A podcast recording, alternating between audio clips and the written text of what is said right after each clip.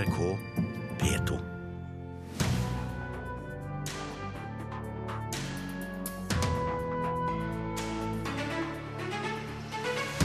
Eirik Jensens to år gamle dokumentarbok rives nå vekk fra butikkhyllene. Filmen om Marcus og Martinus er søt og sjarmerende, men platt. Trønderrock-kongene DDE er 25 år i dag. Nå lover de ny musikk. Du hører på Kulturnytt. Mitt navn er Stine Traalt. Velkommen skal du være. For to år siden ga korrupsjonstiltalte Eirik Jensen ut en bok om sitt liv i politiet. Og nå rives boka vekk fra butikkhyllene. Flere av landets bokhandlere har begynt med ventelister, for alle vil vite om hvordan Jensens liv har vært. Et anslag NRK har gjort viser at Jensen vil tjene over 2,5 millioner kroner på boka, som har et opplag på 60 000. Ja, de, vil, de vil finne ut sjøl hva er det egentlig som er sannheten her. Det er jo så steile fronter, ikke sant. Ja, Så det tror jeg ligger i oss alle. Det sier Pia Amundsen ved Ark på Grünerløkka i Oslo. For mens den korrupsjonstiltalte Eirik Jensen forklarer seg i Oslo tingrett, så har salget av den snart to år gamle boka hans fått seg en skikkelig oppsving. Men det er jo, nå har han virkelig slått an pga. rettssaken. Boka på innsiden handler om Eirik Jensens mange år i politiet. Og mens enkelte bokhandlere har begynt å operere med venteliste, så kan kjeda Nordli melde om at det er utsolgt i nesten alle de over 100 butikkene landet over. Vi måtte bestille et uh, nytt opplag eh, som vi fikk uh, levert uh, i, går, i, går, faktisk. Det sier Anne Gåthaug, som er forlagssjef i Kagge. Det er jo kanskje den mannen som folk mener mest om for øyeblikket. Og når man da også uh, Man har så mye nyhetssaker som går hele veien. Den høyt tiltrodde politilederen Eirik Jensen. Ja, Eirik Jensen ankom. Dersom Eirik Jensen blir frifunnet her Forlaget skrev kontrakten med Jensen allerede to år før han ble arrestert. Har de skutt gullfuglen? Nei, altså skutt gullfuglen blir jo litt rart å si. Det er jo ikke noe uttrykk jeg ville ha brukt. Men uh, han uh, hadde en helt uh, egen plass i, i, folks bevissthet i forhold til hva han holdt på med. Det, det, var det jo. Det var derfor vi tok kontakt med han. Den boka som da etter hvert ble kalt På innsiden, den begynte på da ja, halvannet år var det vel, før han ble arrestert. Og gullfugl eller ei, et anslag NRK har gjort viser at Jensen vil tjene over 2,5 millioner kroner på boka dersom han har den samme kontrakten som forfattere flest og selger ut det nåværende opplaget til full pris. Det er ikke veldig overraskende at vi selger mye av en sånn bok, uavhengig av uh, hva som har skjedd. Vi hadde jo stor tro på Eirik Jensen. Og det vil komme mer fra Jensen. Den tidligere politimannen har også skrevet en roman, og forleggeren sier hun forventer flere bøker. Det håper vi på. Det er det som er planen. Det, er jo, det var jo veldig løftesrikt, den første romanen. Så vi satser friskt på at det skal komme flere bøker derfra, ja. Hos Ark er de i alle fall klar for en eh, lang rettssak. Får dere inn mer? Vi får inn masse mer, ja. Så vi står klare. Reportere her var Kirsti Folk-Nielsen og Mari Sand Malm. Kulturkommentator Agnes Moxnes, det er en voldsom interesse for denne saken. Er det så enkelt at det er derfor denne boka selger slik den gjør? Ja, Det er helt klart en forklaring, fordi alle mediene er jo stappfulle av denne saken. Og det er jo nesten sånn at det blir et lite sug i det øyeblikket retten stenger dørene. Vi vil vite mer.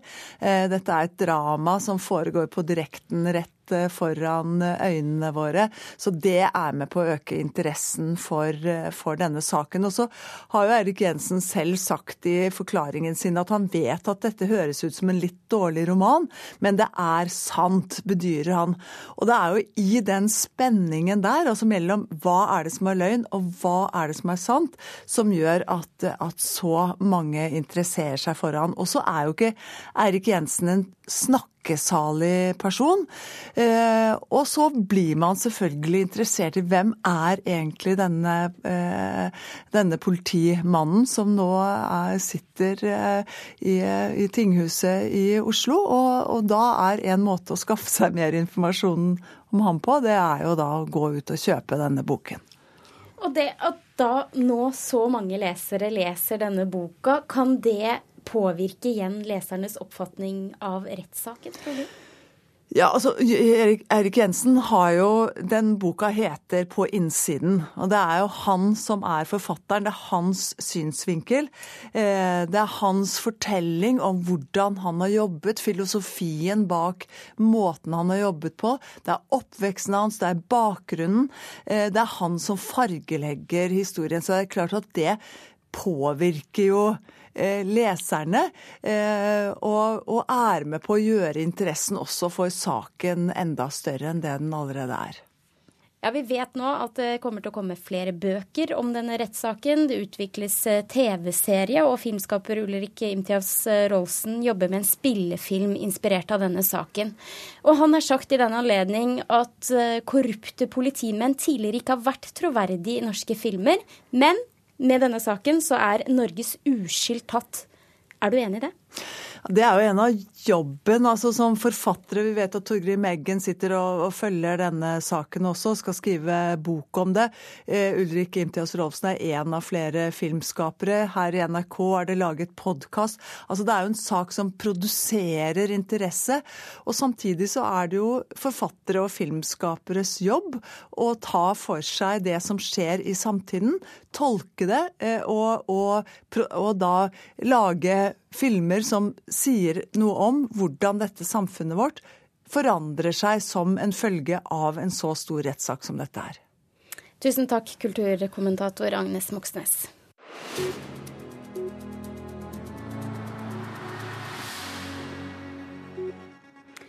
I starten av november i fjor tok selskapet Kvikkas over leveringen av lørdagsaviser. Selskapet fikk mye kritikk, særlig i starten ble det meldt om store problemer med leveringen av aviser. Og rapporter eh, Mari Sand Malm, eh, har det gitt seg disse problemene? Nei, ifølge Klassekampen så har de ikke det, fordi de skriver at Kvikkas eh, nå leverer 9000 færre aviser hver lørdag og at minst seks aviser har sett seg nødt til å slutte med lørdagsaviser. Men til tross for dette så får Kvikkas fortsatt 7,6 millioner kroner i måneden av Samferdselsdepartementet. Og nå krever Senterpartiets Per Olaf Lundteigen at regjeringen sier opp avtalen med selskapet.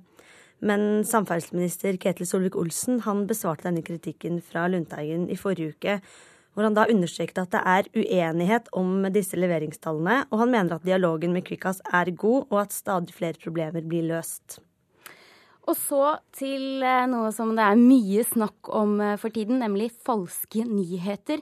Vi hørte i går i Kulturnytt om britiske politikeres engasjement mot dette. Nå skjer det samme i Tyskland.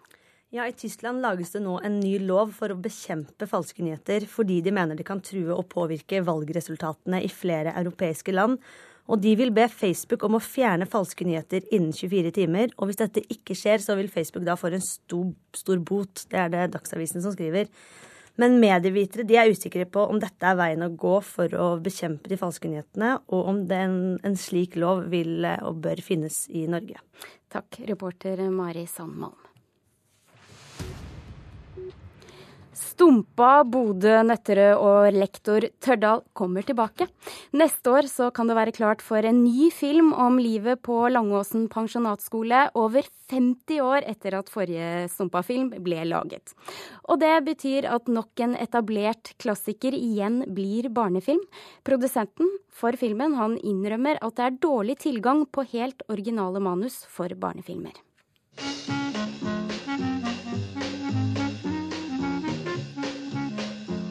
Er du gammel nok til å kjenne igjen denne kjenningsmelodien? Stumpa, som handler om livet på Langåsen pensjonatskole, var en enorm suksess på 1950- og 60-tallet. Både som hørespill i Lørdagsbarnetimen og over fire spillefilmer. Nå vil Storm Films vekke til live figurene Lektor Tørdal, Stumpa, Bodø og Nøtterøy. Og de planlegger en ny storfilm med premiere høsten 2018. Produsent Lars Andreas Hellebust anslår et budsjett på 25 millioner kroner for å lage filmen med prosjekttittelen 'Det spøker på Langåsen'. Vi har jobbet lenge med Stumpa, det har liksom vært litt å finne en, eh, en vri som gjør at det passer, kan fungere for dagens publikum, da, på en måte. Med den farta du holder, gjør vi ikke mer enn fire kilometer i uka. Jeg får dette stengene mine! Det er foreløpig usikkert om filmen skal foregå i nåtid eller i gamle dager, men Hellebust antyder at handlingen legges til tidlig 80-tall. De tenker jo egentlig at uh, et sånn kostskoleunivers er et ganske tidløst univers. Um, Se på Harry Potter, ikke sant. Så når du drar på skolen, så er det jo eh, tweed eh, skoleuniformer osv. Eh, som egentlig ikke liksom, kan like godt være 50-tallet som eh, i dag. Så tror jeg vi kan finne lastebiler. Som Kulturnytt fortalte i forrige uke, er det veldig langt mellom de norske barnefilmene som er basert på et originalt manus. Hellebust mener det skyldes dårlig tilgang på gode manus. Problemet er jo bare at de forfatterne som er der ute, tar i liten grad initiativ til å skrive unike filmer for barn. da. Og da blir det sånn at vi tar tak i gamle i bøker og gamle etablerte universer når vi skal skal utvikle film. Filmanmelder Terje Eidsvåg i Adresseavisa sier det er lettere å trekke kinobesøkende til velkjente univers. På den annen side så syns jeg jo NRKs suksess med 'Snøfall' i år, som eh, jeg tror eh, for en gang for alle har, eh, har bidratt til å dempe ropene etter tidligere generasjoners adventskalendere på, på, på, TV, viser hvor, hvor, viktig og hvor stort og hvor bra det kan være når man klarer å skape nye klassikere også. Eidsvåg sier at han er usikker på om Stumpa-universet kan fenge i våre dager. Det må jeg innrømme at jeg lurer litt på, fordi at Norge er så veldig annerledes nå enn det var på 50-60-tallet. Reporter Oddvin Aune. Du hører på Kulturnytt, og klokken er nå straks 15 minutter over åtte. Dette er nyhetsoverskriftene denne morgenen. President Barack Obama benåder Chelsea Manning, som er dømt til 35 års fengsel for å ha lekket hemmeligstemplede dokumenter til Wikileaks. Det republikanske partiet reagerer sterkt på at Manning nå får redusert straffen til sju år. Gebyrer kan spise av pensjonen vår, advarer Forbrukerrådet. De lanserer en nettjeneste der folk kan sjekke hvor høye gebyrer det er på deres pensjonssparing. Varige tiltak som ulike priser i bomringen og egne lavutslippssoner med miljøgebyrer er de mest effektive tiltakene for å redusere utslipp fra dieselbiler. Det mener Miljødirektoratet. Akkurat i dag så feirer DDE 25-årsjubileum. De har spilt over 2500 konserter, solgt over 1,5 millioner plater, men de seneste årene har det kommet lite ny musikk fra et av Norges aller største band. Og det skyldes at eh, låtskriver Frode Viken har slitt med en kreftsykdom som han nå er frisk av. Strålebehandlingen har også ødelagt stemmen hans, men nå lover han nye låter. Hodet virker så er jeg i gang med nye prosjekter. For det er jo ikke sånn at man går tom. Man har eh, idétørke og eh, litt småangst for å gå til verket. Men uh, typisk nok så er januar og utover gode måneder for å sette i gang og gå litt i dybden. Mm. Så det. Og jeg er i gang, og jeg tror det blir artig. Kommer det noe i år, tror du, eller må vi vente et par år, eller hvordan ligger det an? Jo, vi har planer om å gi ut noe i løpet av året. Mm. Men det er jo planer, det er jo mange prosesser. Så nå jobber jeg alene. Idéutvikling og ferdigstilles tekst og melodi, og så kommer resten av bandet inn, og da starter jo prosess nummer to. Kommer det noen nye hiter, tror du? Ja, det er det, det, er det som er jobben min.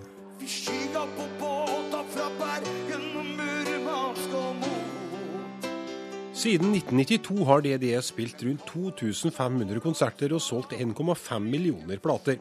Og de er fortsatt et av Norges mest attraktive liveband.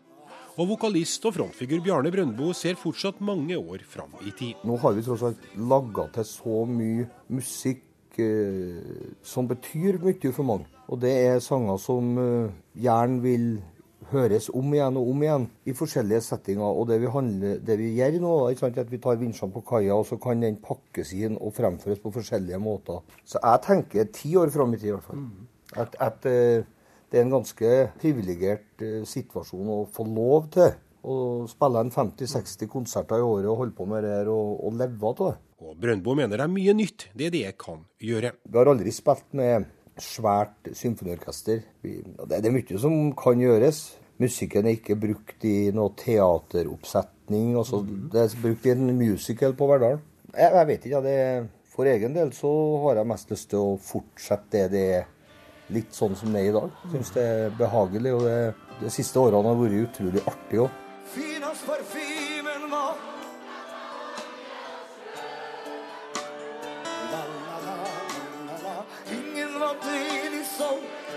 Bjarnes lillebror Eskil Brøndbo har kanskje vært Namsos-gruppas mest anonyme medlem, og han kjenner nesten ikke til noe annet liv enn å spille i er. Personlig eh, jeg, må jeg se det, det er det eneste jeg kan. Tja, sikkert litt Jeg er vel litt bedagelig, jeg innrømmer det. Jeg vil jo ikke gjøre mer enn jeg må, nær sagt. Og det er en fin jobb.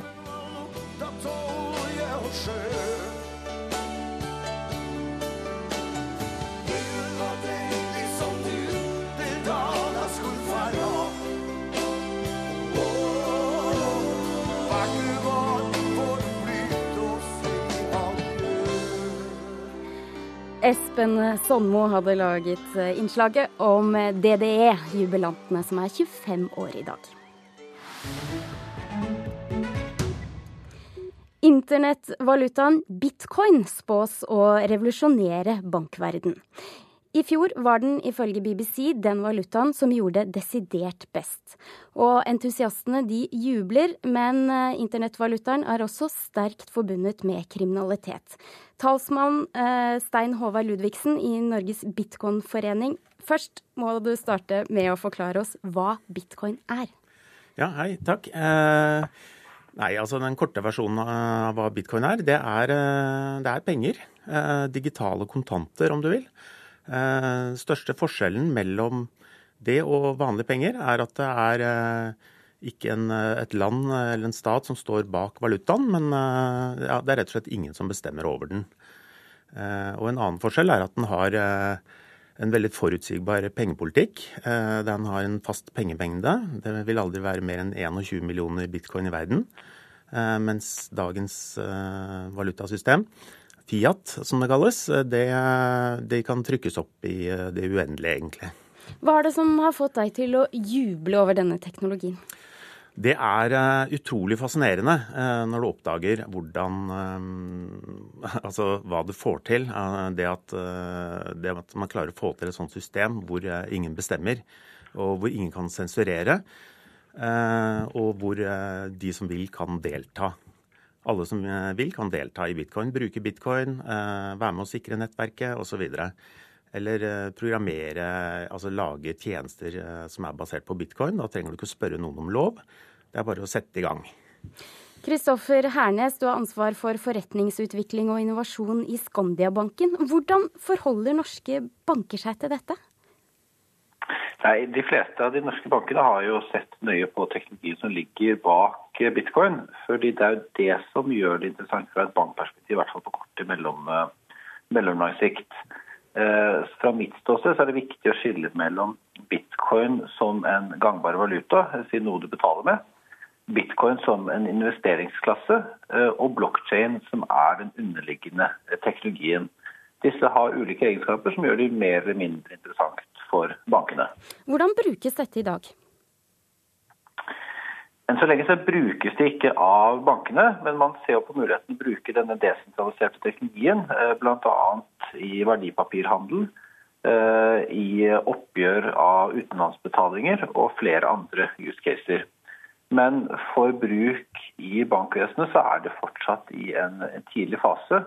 Eh, og man må jo bevise at teknologien faktisk gjør det den lover, utenfor det å bare fungere som en underliggende protokoll under en digital valuta.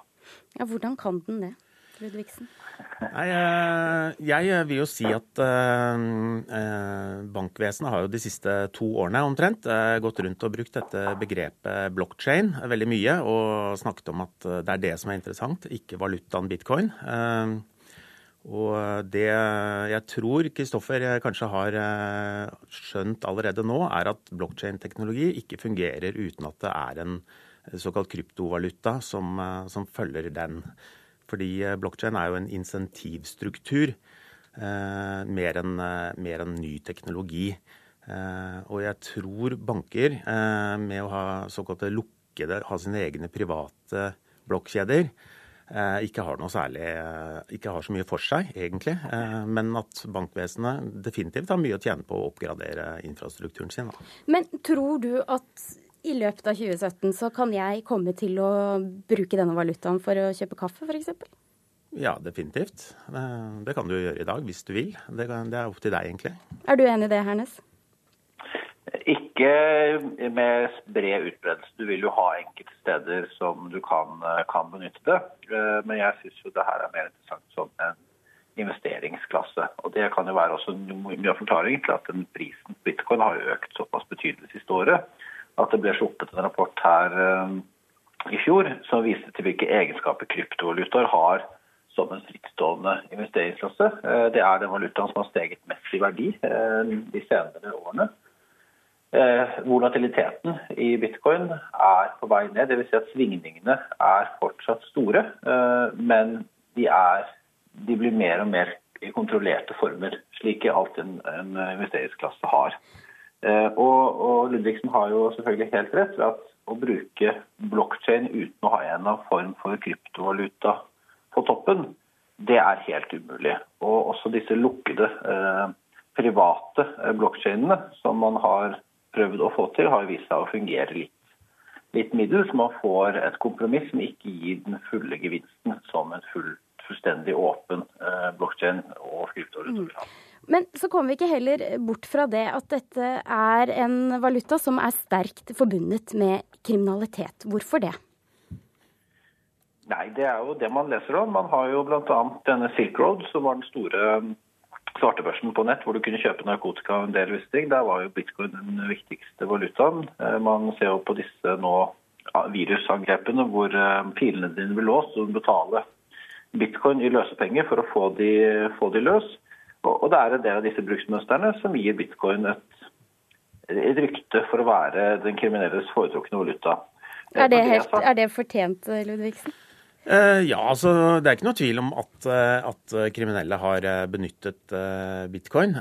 Og det er jo Altså, kriminelle bruker jo også norske kroner og dollar. De bruker kontanter, de bruker biler, raske biler. De bruker bra verktøy. De bruker mye rart. Det at de bruker det, tenker jeg er et mer et kvalitetsstempel, nesten, på, på bitcoin. OK. Jeg, jeg kort til slutt, Hernes. Ja. Nei, jeg først skyte det, Som Ludvigsen var inne på, så er bitcoin er jo en digital representasjon av kontanter.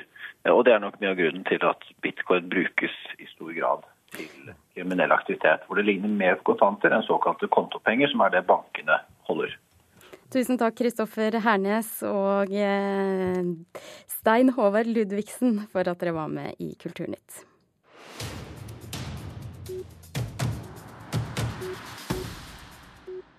Vi kan godt date fans også. Det er ikke noe problem, det. Du skal ikke kysse dem på kinnet. Elsker det òg. Hvem som sa det? Det er fansord. Hvordan er det å jobbe sammen? Martinus, han dytta meg. Jeg skjønner ikke hvorfor må vi krangle hele tida. Ja, dette var et klipp fra Sammen om drømmen, filmen om Norges største tenåringsidoler om dagen, Marcus og Martinus. Filmskaperne lover et usminka portrett av tenåringsidolene. Filmkritiker i NRK, Marte Hedenstad, er det det? Usminket syns jeg ikke at det er. Eh, vi holder oss veldig mye på overflaten her. Og som jeg skriver i min anmeldelse, så er det et eh, litt sånt glansbilde av hvordan det er å være tenåringsidol som eh, vises i filmen. Men jeg syns likevel at det er et veldig sånn sjarmerende portrett av disse to vanlige gutta som, som lever et liv som er alt annet enn vanlig. Hva slags historie er det som fortelles her? Ja, Det er rett og slett eh, denne eh, kampen om å få spille i Oslo Spektrum som er rammefortellinga i filmen. Eh, De solgte jo ut Oslo Spektrum for noen år tilbake. Det var vel i 2015. Eh, Og det blir brukt som rammefortelling, denne veien mot å få spille. Og det avsluttes også med sånn storslagent nummer i Spektrum. Men vi følger faktisk hele karrieren til gutta. Den er jo kanskje ikke så lang, men vi får se litt sånn derre hjemmevideoer fra de var barn, arkivklipp fra eh, Melodi Grand Prix Junior og sånne ting, for å rett og slett fortelle eh, den veien de har gått da, fra de ble kjent. Vi må litt tilbake dette med eh, glansbildet. Vi hørte jo i dette klippet i starten her at de to krangler. Er slike scener som dette troverdig? Altså, eh, Noen av scenene er eh, troverdige, og, eh, og de er jo to brødre. Og det er jo veldig naturlig at eh, brødre, og da sikkert spesielt tvillingbrødre, krangler i ny og ne. Sånn er det å være søsken. Eh, og når man da i tillegg er sliten og sånn, så forstår jeg jo at eh, det er sånne ting som skjer.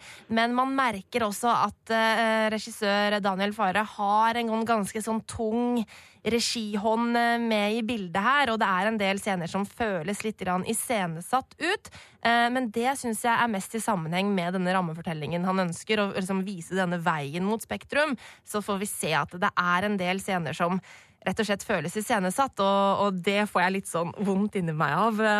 Men utenom det så er det mye fine scener mellom gutta, og jeg syns filmen er best eh, når vi får være litt sånn flue på veggen, og vi får se eh, samspillet mellom Marcus og Martinus og også pappa Kjell Erik. Eh, der er det en del fine scener, men det er også litt sånn iscenesatte ting som ikke fungerer like godt.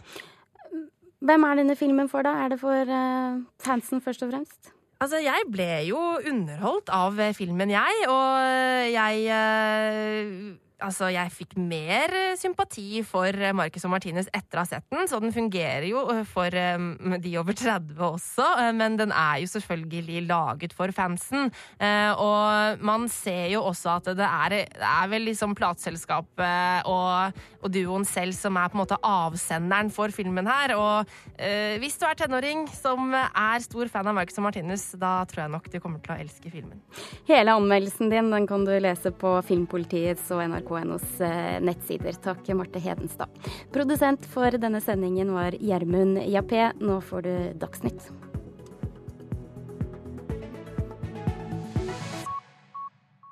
Hør flere podkaster på nrk.no podkast.